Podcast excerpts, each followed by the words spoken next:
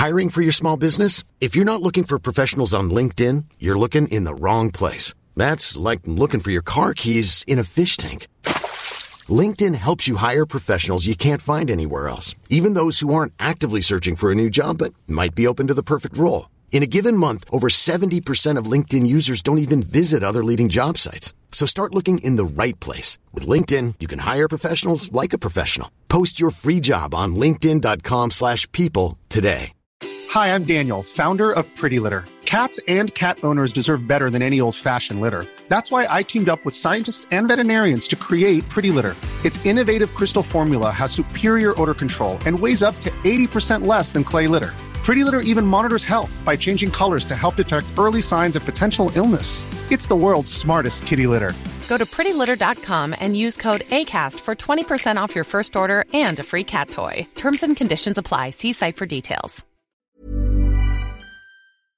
أحد أكبر الأسباب اللي موجود كنسب اكتئاب أو نسب قلق عند الناس بفترة المراهقة تنتج من تنمر سواء إن كان جسدي أو لفظي أو إذا كانت إلكترونية.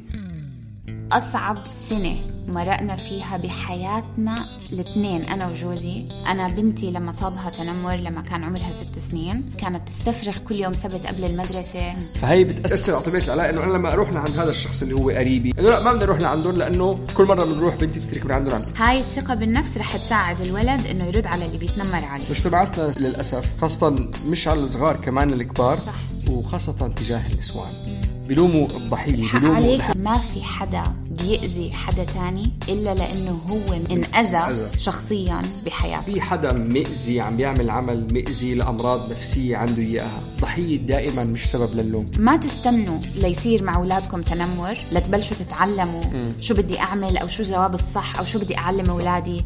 أهلا وسهلا فيكم بالبودكاست التربوي مش بالشبشب. أنا اسمي لونا أم لبنت وولد عمرهم 10 سنين و8 سنين. أنا اسمي وسام أب لأربع أولاد تراوح اعمارهم بين 10 سنين وسنه فيكم تسمعوا علينا على كل منصات البودكاست Apple Google أنغامي Spotify SoundCloud و YouTube ما تنسوا تشتركوا بالقناة ليجيكم تنبيه عن حلقاتنا الجديدة وتخبروا أصحابكم عن محتوانا إذا عجبكم. وفيكم تلاقونا بكل شبكات التواصل الاجتماعية تحت اسم مش بالشبشب. بالفترة الأخيرة إجانا كتير أسئلة عن موضوع التنمر. يا الأسئلة كانت بنتي عم بيتنمر عليها حدا من العيلة أو مثلا حدا بالمدرسة. وإجانا أسئلة كمان شو بعمل إذا بحس إنه أنا بنتي عم تتنمر على حدا أو ابني عم بيتنمر على حدا؟ رح نتناول الموضوع من جهتين. من جهة شو تعملوا إذا التنمر وصل لأولادكم؟ يعني إذا حدا عم يتنمر على أولادكم. وشو نعمل إذا حسينا إنه ابننا أو بنتنا أو عرفنا من حدا إنه ابننا أو بنتنا هم عم بيتنمروا على حدا تاني. هلأ التنمر موضوع كتير كتير صعب وبيكسر القلب عند الأهل. ومثل ما بيقولوا اسألوا مجرب ولا تسأل خبير. أنا بنتي لما صابها تنمر لما كان عمرها ست سنين الفترة اللي مرقنا فيها وكان تنمر عن جد كتير بشع وأدى إنه أصلا هي تفوت على المستشفى. فكان الموضوع كتير كتير صعب. فاتت على المستشفى من كتر التوتر كانت تستفرغ كل يوم سبت قبل المدرسة وبالأول فكرنا ما لها إشي مريضة أو شيء لحد ما استنتجنا إنه لا الموضوع نفسي. وكان في حدا كتير كتير كتير عم بضايقها بالمدرسة. مش بس شخص واحد كانوا كذا واحد. كان كذا شخص. حلقة بتقطع القلب. لما لولا تحكي على الموضوع هي مؤدبة حلقة آه، بدن نفسي. مع الدكتورة عملنا مقابلة مع الدكتورة رانيا حوايك. وسبب الحلقة كان إنه كيف بنعرف إمتى أولادنا العوارض اللي عم بتصيبهم؟ هل هي عوارض نفسية أو هي عوارض مرض؟ هي حلقة رقم 16 حلقة 16 إذا حابين ترجعوا تسمعوها. بس اللي كنت حابة أقوله إنه على قصة اسأل مجرب ولا تسأل خبير أصعب سنة مرقنا فيها بحياتنا الاثنين أنا وجوزي يعني لدرجة إنه كنا كان في أيام نبكي. من ما في أصعب من إنك تشوف ابنك أو بنتك عم بيعانوا نفسيا من وراء إشي خارج سيطرتك. هلأ للأسف موضوع التنمر موجود بكل المجتمعات وإشي لازم نتعامل معه ونعلم أولادنا كيف يتعاملوا معه. وبحب أقول لكم ما تستنوا ليصير مع أولادكم تنمر لتبلشوا تتعلموا شو بدي أعمل أو شو جواب الصح أو شو بدي أعلم أولادي. اسمعوا لهاي الحلقة وخذوا النصائح وتذكروها لأنه بيوم رح يجي. نعم. ما رح تعرفوا شو تقولوا. هلا بس نحكي شوي عن ديناميكية التنمر. أوكي. وإذا إحنا فهمنا ديناميكية التنمر بنقدر نفهم كيف نتعامل مع التنمر. بكل بساطة ديناميكية التنمر هي بتصير إنه واحد بده يستعرض قوى لشخص ثاني رح نحكي بحلقة تانية على المتنمر بس اليوم عم نحكي على الشخص اللي عم بتنمر عليه. فهو السبب الرئيسي ليش هو عم بتنمر عليه بكل بساطة لأنه الشخص اللي عم بتنمر بيقدر. فدائما في عندك شخص قوي وشخص ضعيف في عندك ضحية هو عم بيستغل القوة اللي عنده إياها إنه يعمل شيء بيأذي بيجرح بيزعل أو يقول شغلة بتجرح. وبس عشان نكون واضحين آه، عشان نشرح شو هو التنمر التنمر مش شيء صار مرة. يعني أنا اليوم أخذت ابني عند ابن عمه ابن عمه أكبر منه دفش ووقعه لا هذا ما تنمر عليه.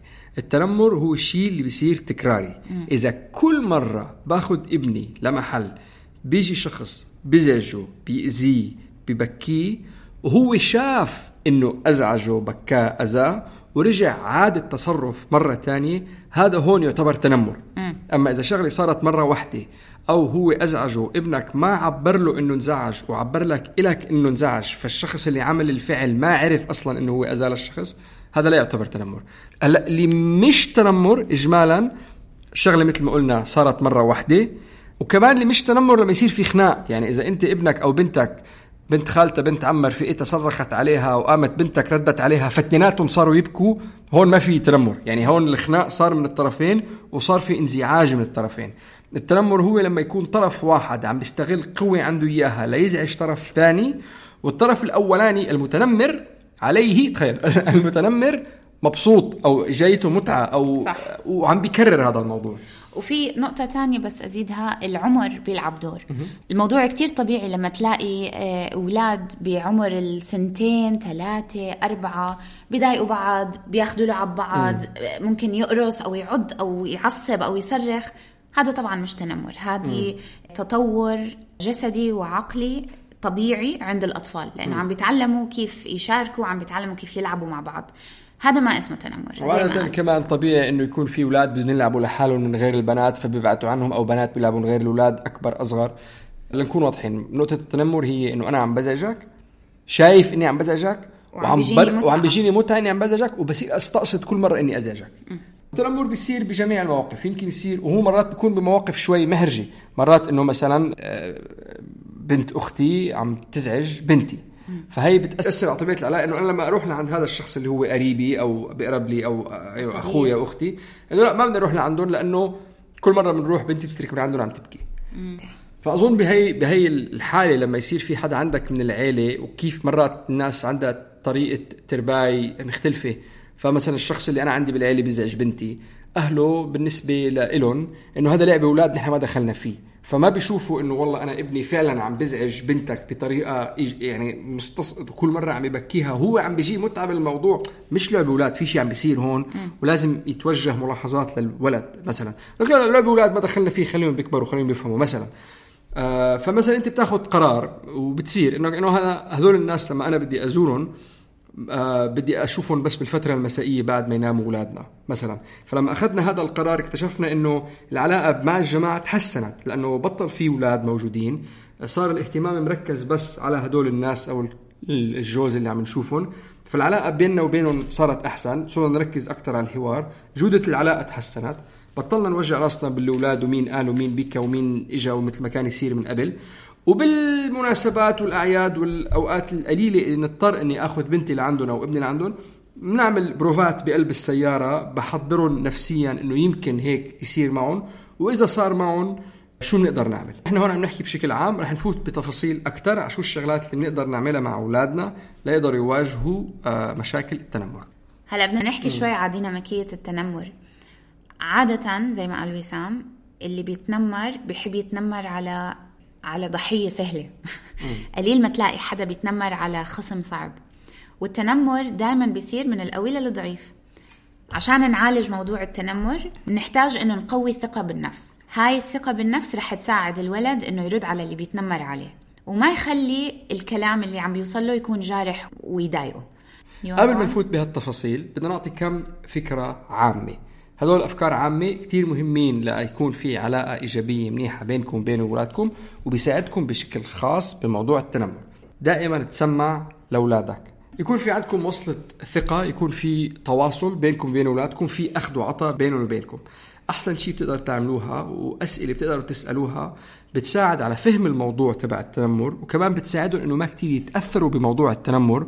إنك تخليهم يحطوا مشاعرهم مثل ما حكينا بحلقات سابقة بكلام. دائما البكا والغضب والتكسير والزعل هي نتيجة شعور أنا عندي إياه جواتي مش فاهمه مش عارف أعبره فبعبره بتكسير بعصبية بزعل. إذا أنا بحطه بكلمة بفهمه بصير أقدر أتعامل معه بطريقة أسهل وكمان بتساعدني بالمستقبل لأنه كثير مرات مثل ما قلنا نحن بالمستقبل بنكون زعلانين لما نكبر ومش فهمانين شو اللي عم بيصير بقلب راسنا لأنه ما عم نعطي للمشاعر كلام. مثلا شفتوا بنتكم أو ابنكم بالليل؟ عاد أكثر من مرة أنا ما بدي أروح على المدرسة بكرة. هاي نافذة إنه تفوتوا تسألوا أسئلة. آه ليه ما بدك تروح على المدرسة بكرة؟ في إشي عم بضايقك حابة تحكي لي إشي؟ صار معك شي اليوم؟ حاولوا تسألوا أسئلة واستمعوا أكتر بكتير من ما تحكوا. م. خلوا الولد يفضفض يطلع كل إشي بدون ما نحكم عليهم بأي طريقة. الكلام اللي حيطلع من الولد أو البنت بدكم تسمعوا له. في حدا عم بضايقني اليوم عملوا فيني كذا كذا كذا. ممكن أصلا يقولوا لكم الموقف بكل بساطة. يعني أنا مثلا بنتي لما صار معها موقف وقالت لي عنه بعد بأسبوعين من ما صار بس هالقد كان مضايقها. جابتها من سيرة إنه أنا كتير قصيرة هي عن جد قصيرة. شو عملوا فيها الأولاد؟ حمام البنات كان ما فيه شبابيك. فدخلوا على الحمام شافوا إنه كرمة بالحمام مسكر عليها الباب. هم عم بيغسلوا إيديهم قالوا فكركم كرمه بتقدر توصل ل... لكبسة زر الضوء؟ قالوا خلينا نشوف. طفوا الضوء بالحمام فيش ولا شباك وطلعوا برا وسكروا الباب. بنتي قعدت بالحمام 45 دقيقة قبل ما حدا يلاقيها كان عمرها ست سنين. مم. فهي ما اجت حكت لي ماما أنا صار معي هيك هيك هيك. هي زعلت وتضايقت وسكتت. وانحكى لي بعد بأسبوعين إحنا وعم نلون إنه أنا كتير قصيرة ما بقدر أوصل للضوء الحمام. مم. من خلال أسئلتي وإني خليتها تضل تحكي تحكي تحكي وشوي شوي زي اللي عم بيركب بازل زي صح. اللي عم بيركب قطع قطعة. البازل لحطيت الكم جملة على بعض لأنه بنت ست سنين كثير صعب إنكم تفهموا منها. وللعلم كمان شغلة ثانية الشغلات الفنية آه، كتير بتساعد على بناء العلاقات. مم. إذا أنتم بتشوفوا مثلا مرات بتكونوا قاعدين مع إمهاتكم أو ما عم تشتغلوا ورق عنب ولا عم ترقوا ركوش بتلاقي حالك عم بتفضفض بتلاقي حالك عم تحكي لعبة الليجو آه، تلوين آه، الخبز أيه. أي شيء وين الإيدين مشغولة إيه. بتفضي المخ إنه يبلش يسرد قصص وأحكام فاسمعوا ولما تسمعوا ما تحكموا طب. أحد أكثر أسئلة فيكم تساعدوا إنكم تخلوا الولد يحكي بدل ما تسألوا شو صار أو شو مم. فيك تساله بكل بساطة شو بقدر أعمل لأساعدك بس إذا أنا ما بدي أروح المدرسة بكرة أنا بكرة ما فيني أروح مدرسة فيني بكرة ما أروح المدرسة بقدر بكل بساطة أسأل طب شو بقدر أعمل لأساعدك؟ م. فهذا بيكون طريقة غير مباشرة إنك أنت عم تطلب منه يقول لك شو اللي بده إياه منك. لازم نكون كتير واعيين كمان على ردات فعلنا. إذا كان في ردات فعل قوية أو مبالغ فيها هذا بيؤدي بالمستقبل لعدم مشاركتهم لتفاصيل حياتهم خوف من أنه يزعجونا.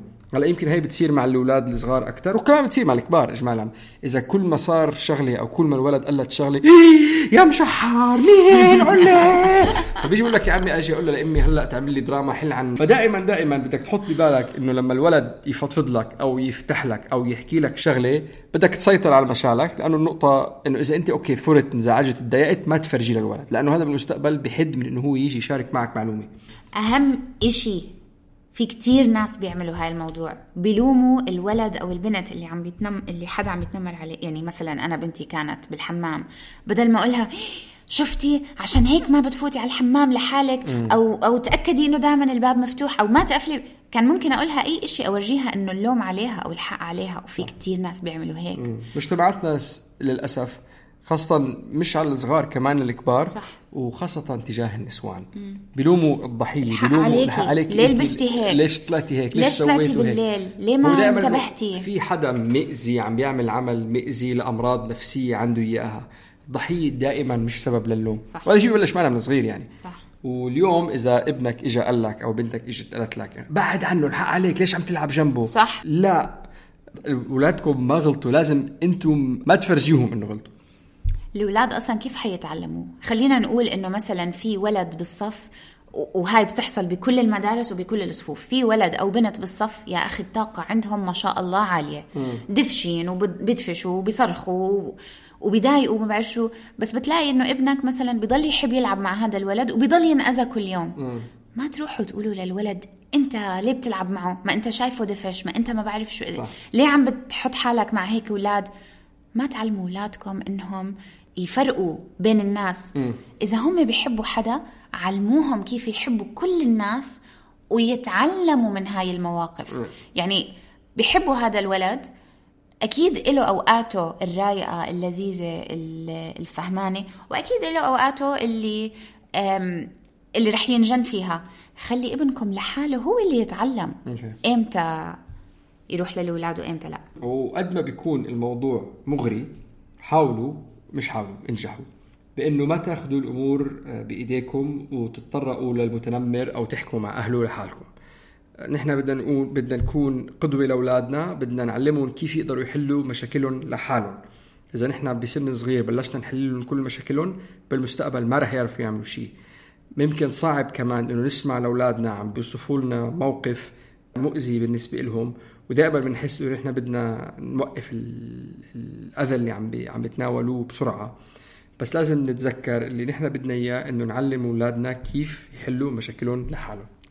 أحد الأسئلة اللي كان دايما يجيني لما كنت أحكي على موضوع التنمر اللي صار ببنتي قلتي لأهل البنات اللي عم تعمل هيك ببنتك؟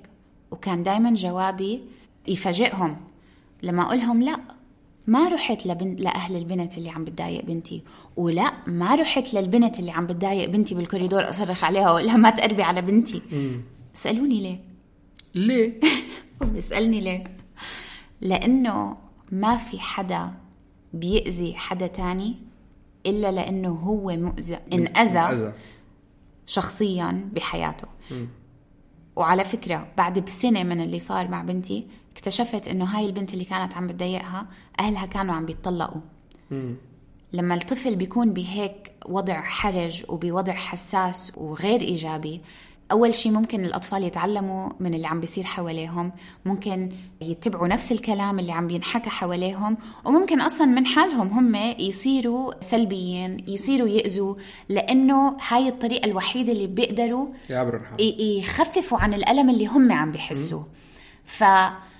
فما أنا بوقتها ما بعرف ليه ما رحت للأهل أو ما رحت للبنت وحكيت معها بس لسبب ما كل أصدقائي وكل عيلتي كيف ما حكيتي مع الأهل؟ سوري أنا علي بنتي صح. وعلي المعلمة. إذا أنا ما قدرت أعمل أعلم بنتي ال- الدرجة اللي بعدها هي إني أتصل بالمدرسة أحدد مع موعد مع المعلمة وإذا مع المعلمة ما زبط معي الموضوع أروح للإدارة. هل- فأهم إشي أنتوا المؤيد الوحيد لأولادكم فإذا ابنك أو بنتك إجوا وقالوا لكم أنا عم بعاني ما حدا رح يأيده أكتر منك. فكونوا أنتوا ال ال الدعم المعنوي وال والصوتي والمادي وكل إشي هم بيحتاجوه. بالذات بهيك مواقف. ما تقللوا من موضوع من أهمية اللي عم بيصير. ما تكذبوا أولادكم وما تحسسوهم إنه هم السبب. أنتوا المؤيد الأكبر بحياتهم. هلا نحن اللي بدنا نعمله إنه بدنا نعلم أولادنا كيف تكون ردات فعلهم. هلا بشكل عام المتنمر ما راح يتسلى وما راح يتنمر على شخص أقوى منه. أقوى منه وكمان شغلة تانية ما عنده ردات فعل. يعني أنا اللي بدي إياه بدي أشوفك إني عم تتأذى. لما أشوفك إنك أنت عم تتأذى وإني أنا عم بقدر أسيطر على مشاعرك أنا هذا الشيء بيجيب لي متعة. صح. إذا أنا عم بتنمر عليك وأنت مش عم تتضايق ما بيجيب لي متعة. حروح أدور على رح أروح أدور على غيرك. فاللي بدنا نعمله إنه بدنا نعلم أولادنا يكون عندهم ردات فعل صحيحة للمتنمرين. وهذا بيصير بواحد من الاثنين يا إما يكون في تطنيش فأنا لما يتنمر علي ما بفرجي مشاعر ما ببكي ما بزعل ما, ما بعمل ردة فعل فبالتالي المتنمر رح يزهق من إنه يتنمر علي ويروح يتقي لحالي. أو النقطة الثانية إنه يكون في قوة. إنه أنا لما يتنمر علي برد عليه برد عليه بقوة برد عليه بطريقة قوية فهو بالتالي بيعرف إنه ما بقدر يتنمر علي.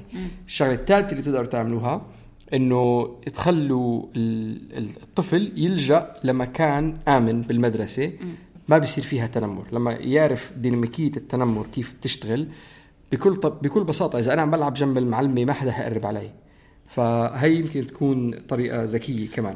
أو لما أعرف إنه بقدر ألجأ لمعلم أو صديق أو حدا أنت محدد له إياه إذا مرة جاي صار معك هيك روح احكي مع كذا كذا كذا. صحيح. يحس بالأمان شوي. هلا آه ممكن تكون فكرة كتير منيحة إنكم تتدربوا بالبيت مع الطفل على كيف يستجيب مع المتنمر.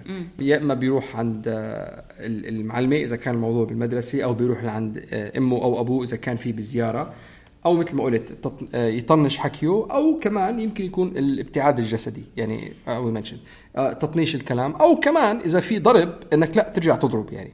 فإذا بدنا نفوت نحن على الناحية التطبيقية على شو اللي بنقدر نعمله مثل ما قال مثل ما قالت لونا لنقدر نتواجه مع المتنمر بدك تعزز ثقة النفس. لما أنت تعزز ثقة النفس عند الولد هذا بيساعد على الرد على المتنمر أو بيساعد على عدم التأثير لما يصير في تنمر. فالشغلات اللي بتساعد بتعزيز ثقة النفس أول وحدة ومثل ما ذكرتها لونا هلأ اللي هي أنت تكون أكبر مصدر دعم وثقة لابنك. ما تشكك بحكيه دائما كون بصفه ويعني خلي الولد يوصل لمرحلة إنه هو بيؤمن إنه أنا أمي أو أنا أبوي أكبر داعم إلي. وأنا مصدر المعلومات بخصوص أي موضوع خاصة موضوع التنمر. مش إنه آه استنى خليني أدق للمعلمة أشوف إذا هيك صار. يعني أنا مثلا شخص بعرفه مش أنا.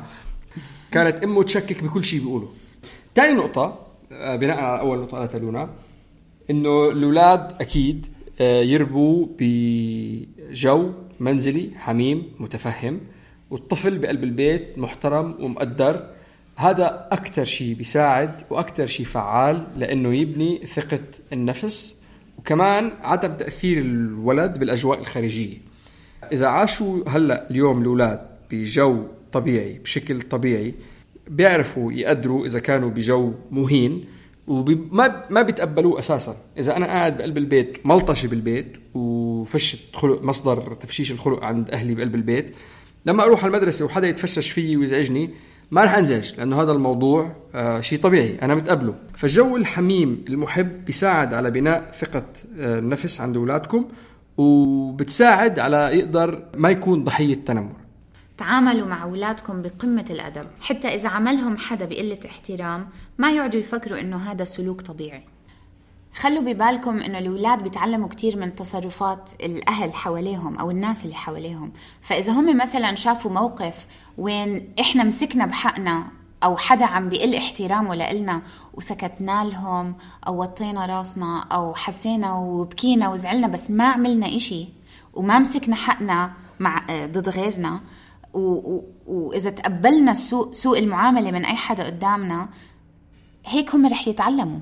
فلازم إحنا إذا انحطينا بهيك مواقف بالذات قدام أولادنا نوقف لحالنا بكل احترام نورجي إنه إحنا حناخد بحقنا وإنه ما بنسمح لحدا يعاملنا بهاي الطريقة. بعد ما نحن حكينا على مواضيع ثقة النفس الشغلات التطبيقية اللي بدنا نعلمها لأولادنا شو بيقدروا يعملوا بلحظة التنمر؟ بنتي صاحبتها ما شاء الله قوية وسريعة البديهة. فإذا حدا ضايقها بتطلع لك بجواب يعني ولا أحلى منه. بس بنتي مش هيك بنتي ما بتعرف. فصاحبتها عم بتعلمها أشياء. فمثلا بالصف لو قالوا لها يي ليه هيك شكلك اليوم؟ بتقول له آه شكرا إنك لاحظت ما حدا سألك. يا ردات هيك بتبطل ممتعة إنه الواحد يضايقك. صح. من وراها. إذا صح. أنت كل ما حتأذيني أنا حأذيك. صح. بكلام محترم ببطل له المتنمر داعي ليجي يضايقك هلأ أحد أكثر الطرق الفعالة مع المتنمرين هي إنك توافق معاهم كمان. هاي نقطة تانية. فهم بيكرهوا إنه تكون أنت ممل. فلو حدا ولد علم أولادك مثلا لو اجى قال لو حدا اجى ضايقه وقال له يي أنت بتلبس نظارة. علمه يرد عليه يقول له آه عن جد أنا بلبس نظارة. إذا حدا قال له طب أنت نظرك مش منيح. صح أنا نظري مش منيح. فهذا جبناه من فيديو كتير كتير حلو على يوتيوب طلعنا عليه. واحد اسمه بروك جيبز بيعلم الأولاد اللي بالمدرسة ديناميكيات التنمر وكيف يردوا وكيف إنه المتنمر لما يلاقي أجوبة أقوى منه أو مملة لإله ما عنده اهتمام خلص بيروح الاهتمام تبعه بيعمل مثل تمثيلية بيجيب بيعمل وحده على المسرح آه. وبقول لها تنمري علي آه، أعطيني ألأم إشي عندك وحتى بالأول لما يقدم الفقرة بيقول لها آه ما تستحي ما تخجلي ما توقفي وإذا إذا وقفتي تنمر أنا بربح وإذا ما وقفتي تنمر three. Well, call me an idiot. You're an idiot. What'd you say? You're an idiot. You're an idiot. You're ugly. That hurts my feelings. Yeah, like I care. I'm gonna get you in trouble. Sure, short stuff. I'm taller than you. Shut up. You call me an idiot one more time and I will windmill kick your face. Like I care. Like you could do anything in those clothes. All right, give her a big hand clap. She did great. برجع بيعملوا نفس التمرين مرة تانية وبيقول لها نفس القواعد بس هالمرة بدل ما يحاول يعاندها بيوافق معها وبالآخر ببطل عندها رد On the count of three, everyone say action. One, two, three. Go and call me an idiot. You're an idiot. Oh, you think I'm an idiot? Yeah. Yeah, sometimes I do stupid things. That's true. Yeah, you do. You always do stupid things. I know. You're so smart. You're so lucky. Yes, I am. You're awesome. Thank you. And you're not. I know. We, we established that. Cool. Look, my happiness is not based on whether you think I'm cool or not. I'm going to be happy even if you hate my guts. Okay. And I'll always be nice to you, sweetheart. okay. Thank you. You're welcome. I won. Give me a big hand clap. That was awesome. بتذكر مرة كان حدا عم بيقول لي انه بتنمروا على ابنه لانه قصير فقلت له للولد زي بنتي. قلت له روح قول لهم قول لهم أنا ما عندي مشكلة إني أنا قصير أنت ليه إذا متضايق؟ أنت عندك مشكلة إني أنا قصير روح حلها بعيد عني. آه. يعني أنت روح شوف طبيب نفسي روح حلها روح لعند واحد قول له يا أخي أنا عندي مشكلة لأنه فلان قصير بس أنا مرتاح بقصري مثلا. وفعلا لما بلش يقول لهم هيك آه، آه، آه، صار ما- أوكي شو بنرد عليه؟ ما, ما عندهم رد. أنا علمت بنتي تقول كل الأشياء العظيمة بتيجي ب مغلفات صغيرة. مثل كل الالماس كل الأشياء العظيمة بتيجي بمغلفات صغيرة. هلا التنمر هو مش شيء بنقدر نتغلب عليه بسرعة. الموضوع أكيد رح ياخذ وقت. وبالنهاية اللي رح نتعلمه إنه ما بنقدر نسيطر ونتحكم على اللي بيطلع من تم الناس. بس اللي نقدر عليه هو إنه نسيطر على كيف نحن نشعر نتيجة هذا الشيء أظن دائما لازم مهم إنه نذكر أولادنا بإنه انزعاجهم أو خوفهم أمر طبيعي آه، مش عيب. ومش غلط إنه هن يجوا يشتكوا بمشاعرهم لشخص أكبر منهم. كتير حكينا بحلقة عن التكذيب العاطفي. هون فيكم عن جد تستعملوا آه، العلم اللي عم نحكي عنه على قصة إنه ما نكذب أطفالنا عاطفيا. يعني مثلا إجا ابنك عم بيبكي فلان فلان آه، زعلوني اليوم بالهذا. لا حبيبي ما قصدهم هيك. هم ما عملوا هيك ليضايقوك. أنت عم تورجي ابنك إنه شعوره ما له معنى وما له مغزى. بدل ما نجاوبهم هيك جواب يي عن جد صح بقدر أشوف كيف إنه هيك معاملة ممكن تأذي وممكن تجرح. أنت شو رأيك؟ طب شو اللي صار؟ اسألوا الأسئلة وخلوهم يحكوا عن مشاعرهم. ما في شعور خاطئ. الشعور يمكن براسك أنت كأم أو أب. ما له معنى أو باهت أو آه، سخيف. بس للولد أو البنت اللي أول مرة بحياتهم عم بيحسوا هذا الشعور الموضوع كتير كبير. فتأكدوا إنه ما تكذبوهم عاطفيا. وأهم شيء كثير مهم إنه نحن اليوم ناخذ موضوع التنمر بجدية. أظن أحد أكبر شغلات خاصة بعصر ال- صح. الأجهزة الإلكترونية والتنمر الإلكتروني اللي. بيجي.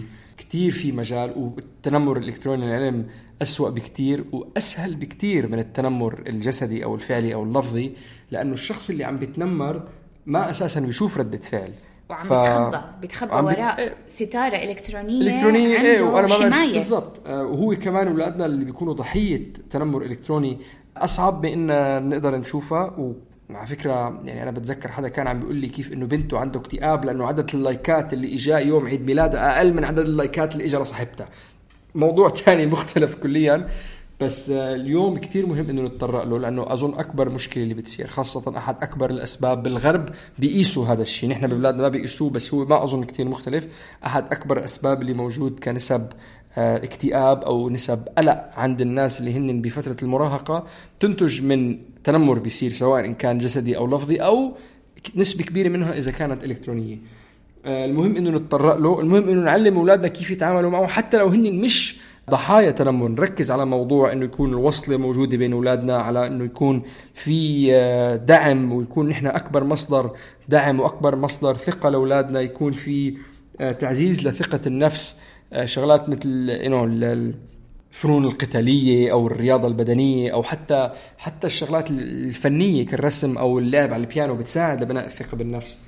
مهم إنه هذا الشيء يتعلموه اليوم لأنه إذا ما تعلموه اليوم وتغاضوا عنه بالمستقبل كتير طبيعي إنه يكونوا بعلاقة جارحة بعلاقة مئزيه آه، بس يقبلوها تحت وهم أو غطاء إنه هذا الشخص صديقي أو هذا الشخص أنا بحبه. صح.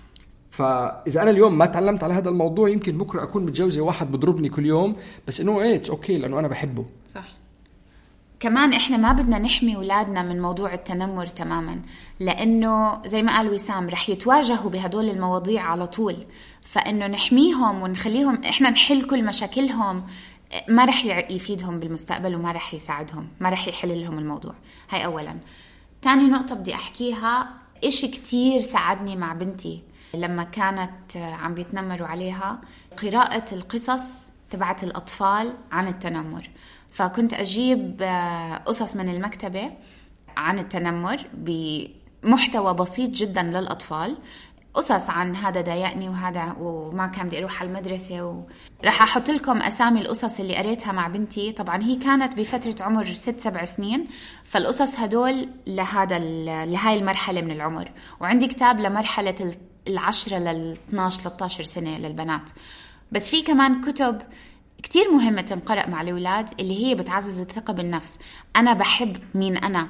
أنا بحب طولي وشعري وجسمي وكل ما كل إشي فيني مختلف بس هذا اللي بيخليني أكون أنا وأنا بحب حالي مثل ما أنا. فهذا كمان أنواع من الكتب اللي بتعزز الثقة بالنفس. شكرا كتير لاستماعكم.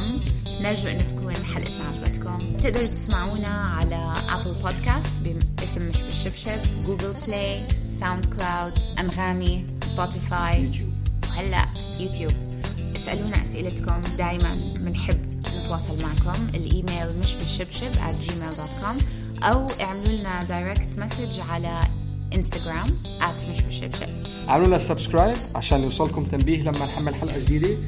واعملوا لنا rating 5 stars إذا حبيتونا. وما تنسوا تشاركوا أصحابكم والأهل اللي بتعرفوها محتوانا. وإلى اللقاء. بنحب نشكر رنا ابو خليل من ارت جار على كل الارت وورك ووائل شبعاني ويوسف عيسى للموسيقى